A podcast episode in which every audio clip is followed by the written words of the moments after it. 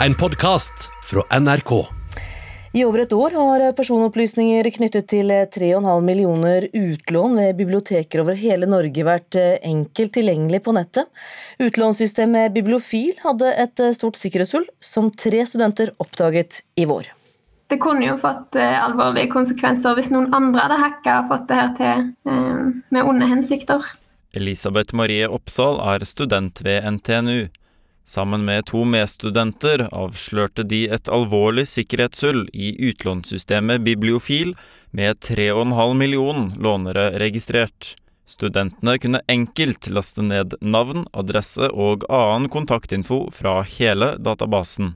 For vi har jo vært veldig forsiktige opp mot det. Vi har jo ikke gjort noe sikkerhetstesting før, så vi var veldig forsiktige, for vi hadde ikke lyst til å ødelegge systemet på noen måte. De tre studentene gjorde sikkerhetstesten som en del av sin bacheloroppgave. Don Morrison var veileder for studentene og forklarer hvordan feilen funket. Jeg kunne ha sendt deg en URL som uh, fikk uh, laste ned alle kundedata, f.eks. Sikkerhetshullet har vært i systemet siden januar i fjor, men leverandøren skriver i en e-post til NRK at de kan bevise at hullet ikke er utnyttet av noen før studentene fant det. De rettet feilene samme dag som de ble gjort oppmerksomme på dem. Professor ved NTNU Christian Jøsten berømmer leverandøren for den raske rettingen. Det er klart at det er mindre alvorlig når eh, en svakhet ikke har blitt utnyttet enn den har blitt utnyttet. Selvfølgelig er det slik at denne svakheten skulle aldri vært der. Det er veldig alvorlig at den er der, og det burde ikke vært sånn. Men hell i uhell, tross alt. Det er mye bedre at det ikke har blitt utnyttet, enn at det har blitt utnyttet. Jøsten får støtte av bransjekollega Gisle Hannemyr ved Universitetet i Oslo. Han kritiserer sikkerheten med tanke på at systemet er i bruk ved 159 biblioteker over hele landet. Blant dem er mange skolebiblioteker og et fengselsbibliotek den, altså, det er ikke slik at man bør gjøre den typen testing fordi at målgruppen er sensitiv. Eh, man bør alltid gjøre sikkerhetstesting. Biblioteksystemer skriver at feilene oppsto da de tok i bruk nye nettjenester i januar i fjor. De planlegger å gjøre en rekke nye tiltak for å styrke sikkerheten i løsningen ytterligere, og det er studentene fornøyde med. Sikkert mange som tenker at denne, den informasjonen du gir til biblioteket er trygg. Og ja, at de ikke tenker over hva informasjon de gir ut på nettet. Så da har vi jo på en måte vist at til og med det som er på biblioteket, kan hackes. Reporter her var Torjei Moe Batalden. Torgeir Waterhouse, leder i teknologikonsulentfirmaet Otte AS og tidligere direktør i IKT Norge, god morgen. Hei. Det er en alvorlig feil vi hører om her, og, og, det er langt ifra første gangen vi hører om denne type sikkerhetsbrudd. At opplysninger er åpent tilgjengelig på nett. Hvor vanlig er denne type hull i sikkerheten? Altså, det er vanskelig å sette en sånn type prosentandel på det, men det er veldig vanlig. Og det er vanlig fordi at programmer, som, sånn som Bibliofil, det er jo egentlig en lang serie med kode. altså nest, Tenk på det som ord som er skrevet. Og det vil, det vil kunne gjøres feil, og man vil kunne skrive ting som, som ikke henger sammen med noe et annet sted. Og Hovedproblemet her er egentlig at man ikke gjør, og som Gisle også sa, ikke gjør systematisk og kontinuerlig testing hele tiden. Det må man gjøre. Er det det som gjør at eh, det kan gå altså over et år uten at man oppdager det? Ja, fordi at sånn som man hører i saken her, så, så var dette ganske greit å oppdage, og, og ble oppdaget i det øyeblikket noen testa. Sånn at uh, testing er helt avgjørende. Man må gjøre mer av det, og man må over i et spor hvor man tenker kontinuerlig sikkerhet på en helt annen måte enn at et problem finnes hvis vi hører om det. Når det gjelder den generelle IT-sikkerheten i Norge, hvordan vil du si at den er? Altså, generelt så er det jo mange problemer overalt hvor vi bruker IT mye, nettopp fordi vi drar med oss gamle systemer. Vi har, uh, vi har ikke nødvendigvis god nok kultur og, og, og tradisjon for å jobbe med sikkerhet. I Norge så har vi en del utfordringer som bl.a. henger sammen med tilliten vår til hverandre. Og tilliten til, som det også ble sagt i saken her, at man, man tenker at biblioteket har kontroll. Og eh, Biblioteket har sikkert kontroll på det biblioteket kan ha kontroll på, har kompetanse og bevissthet på, men, mens det kan være problemer i systemene de har i bruk. Så generelt, uten å skulle peke på noen enkeltaktører eller sektorer, så er det et problem at sikkerheten ikke er på det nivået den skal være på. Og det er mye arbeid som må gjøres for å løfte oss opp. Og det, en av utfordringene handler helt enkelt om at de som tar beslutninger, må være villige til å ta beslutninger og bruke mer tid og mer penger på å løfte sikkerhetsnivået. I alle sektorer, i alt vi driver med. Vi er jo veldig vant til at eh, alt er lagt til rette for oss, at noen har tatt ansvar for sikkerhet, at ting fungerer. Betyr det at eh, hver og en av oss bør eh, være nøyere med hvor vi legger igjen informasjon om oss selv? Ta mer ansvar over på oss selv, rett og slett? Alle trenger ikke nødvendigvis være mer bevisste på det eller nøyere, men vi skal være bevisste på problemstillingen. Altså, du kan for så vidt sammenligne med å være ute i trafikken. Det er alltid noen andre der ute som kan finne på å gjøre noe som påvirker deg. Så det å være bevisst på hva man gjør, eh, er viktig. Samtidig så skal du på biblioteket, så skal du på biblioteket. Og du, har jo ikke noe, du skal ikke la være å låne den boka om en kjønnssykdom eller om en ideologi eller hva det måtte være i frykt for at noen andre skal få vite at du har gjort det. Så vi må løfte fokuset generelt. De som har ansvar for alle systemene vi har i bruk, de må ta det ansvaret. Og så må vi være bevisste på at det er en problemstilling, men vi skal ikke la være å leve. Vi skal ikke gå rundt og være redde hele tiden. Men vi må gjøre det vi kan, hver enkelt av oss. Det handler ofte også om å passe på at våre egne systemer er oppdaterte. Telefonene f.eks. Ja, hvordan skal vi gjøre det? Det, jo, det har vi jo sett. NRK har flere nettsaker på hvor lett det er å, å spore noen med de appene som finnes i telefonen. Ja, altså vi må, vi må helt enkelt gjøre den kjedelige jobben med å lese oss opp på hva det er vi installerer, og hva vi bruker og hvordan vi gjør det. Og så må vi samtidig finne ut av hvordan lever vi med at bruk av data på den måten er en del av vårt samfunn nå, og kommer til å være det fremover også. Så det handler om å finne den balansegangen på hva er et problem og hva er ikke et problem. Det handler om å gjøre de grepene man kan. Og det handler om å forsøke å vurdere når syns jeg det er greit å dele data om det jeg er interessert i, og når syns jeg ikke det er greit. Det fins ingen helt opplagte svar der. Men det viktige er at man gjør vurderingene, at myndighetene er på, at man gjør sikkerhetstesting, som igjen er utgangspunktet for saken her, øh, og at man lever med at det kommer til å skje feil. Akkurat som det skjer ulykker i trafikken, eller man får dårlig mat, eller hva det måtte være. Ja, For vi slutter ikke å være digitale.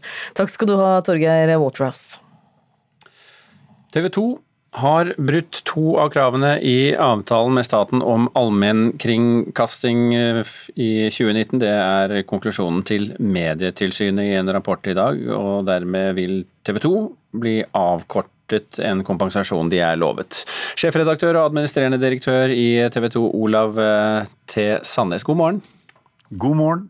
Det er en god morgen for TV 2, egentlig? Ja, det er, det er en god morgen for TV 2 også. Vi, eh, vi har vært godt kjent med, med, eh, med disse to sakene. Og eh, hvis du ser på Medietilsynets konklusjon, så slår det jo først og fremst fast at vi har levert godt på avtalen i det første året som kommersiell allmennkringkaster med ny avtale. Mm. Det eh, er helt korrekt, men når det gjelder disse to sakene, er du enig med Medietilsynet i konklusjonen?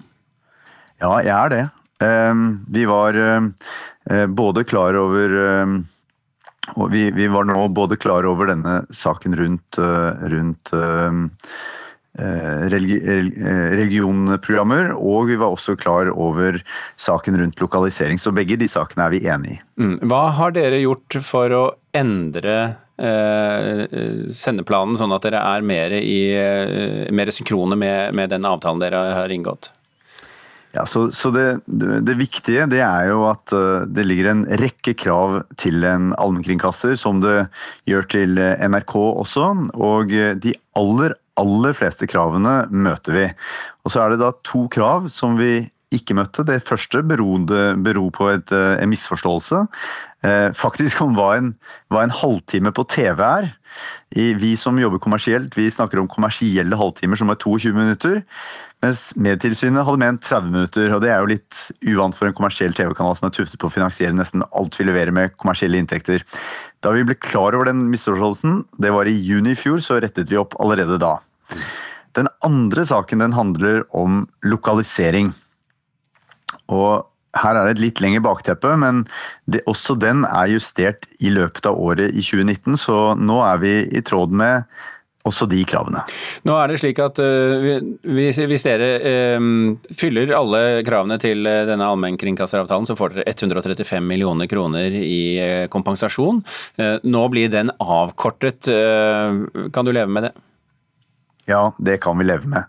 Eh, Vi har respekt for eh, rollen til Medietilsynet, og, eh, og de forholder seg til den avtalen som ligger der. Og da må vi også eh, forstå at det er konsekvenser når, når det er noen krav som ikke blir møtt. Så det, det har vi forståelse for. Olav T. Sandnes i, i TV 2, vi startet med å ønske deg god morgen. Vi avslutter med å ønske deg en god dag videre. I like måte. Nå skal det handle om eh, reisemulighetene våre i sommer, for de er, eh, som de aller fleste nå vet, eh, begrenset. Men et sted, der er alle grenser åpne, nemlig i spillverden. Spillanmelder Rune Fjell Olsen, det skriver du i en guide på nrk.no blant annet, og der anbefaler du 22 spill som man kan ha som reisemål i sommerferien. Betyr det nå at vi kan si at det har blitt sosialt akseptert å sitte inne i ferien og spille? Altså, det der er en problemstilling som alle som spiller kan kjenne seg igjen i. Eh, De har kanskje lyst til å sitte og spille så mye som mulig, men eh, omgivelsene sier at det ikke er greit. Samtidig ser man jo at folk gjerne kan sitte og lese bøker hele sommeren uten at det er noe problem. Eh, Men tingen for oss som spiller er i hvert fall det at de minnene vi får fra disse spillene, hvor man har ubegrensa med tid, de er sammenlignbare med faktisk reisemål. Også. Har du da spilltips eller eh, reisetips til eh, småbarnsfamilier, nå som alle bamseklubber og, og, og sommerleirer er stengt? Ja, Vi så en reportasje tidligere fra Sverige hvor det var helt tomt. Kanskje mange av de er i Animal Crossing New Horizons, som er et av årets virkelig virkelig store spill. Og Dette er jo et spill hvor, eh, hvor eh, barn eh, og voksne og ungdommer kan spille sammen. Du flytter inn på en øde øy, og så skal du tilpasse den og pusse den opp, pynte den, bygge hus, få butikker, dykke, fiske osv. Det er veldig, veldig koselig spill. Men hva med voksne, da? De som også vil på spillferie? Nei, Der har du jo øyehopping i Hellas. Det er jo et vanlig uh, reisemål på, på sommeren også. Uh, der har du da et spill som heter Assassin's Creed Odyssey. Og der er, Det er det du gjør, øyehopping, men da i antikkens Hellas. Du kan rusle rundt med Sokrates, du kan eh, prøve å finne inngangen til Atlantis. eh, Du kan jakte på pirater osv. osv. Det er eh, utrolig stort spill, veldig veldig bra. Og så er det en god forberedelse til eh, Assassin's Creed Valhalla, som kommer nå til, til høsten. Mange må velge feriemål i Norge i sommer. Kan man gjøre det i, i spillenes verden også, uten å måtte reise fysisk rundt i landet vårt? Absolutt. Det fins jo et, et, levende og godt norsk spillutviklermiljø. Jeg vil kanskje da først og fremst strekke fram Draugen, som er så norsk som det er mulig å få blitt. Det foregår da innerst i en nasjonalromantisk fjord på 1920-tallet. Et, sånn spennende krim, uh, krimmysterium. Hva med deg selv? har du Sommerferien er jo ikke helt klar ennå, men, men har du begynt på reisingen? Ja, det blir jo norgesferie på oss også. og I mitt tilfelle så, så får jeg nå besøke 1200-tallets uh, Tsushima i Japan. I en sånn samurai-eventyr uh, inspirert av uh, Akira Kurosawa. Det er jo et spill som kommer 14, nei, 17. juli, som heter Ghost of Tsushima. Som jeg også skal anmelde for NRK da 14. juli. Så der koser jeg meg nå om dagen. Ja, og Det ligger altså mange flere tips til sommerspill ute på nettsidene til NRK, nrk.no. Takk for tipsene så langt, spillanmelder Rune Fjell Olsen. Du har hørt en podkast fra NRK. Hør flere podkaster og din favorittkanal i appen NRK Radio.